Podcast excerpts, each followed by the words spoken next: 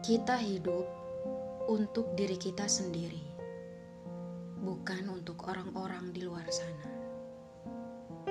Hidup dalam pengakuan orang lain itu susah.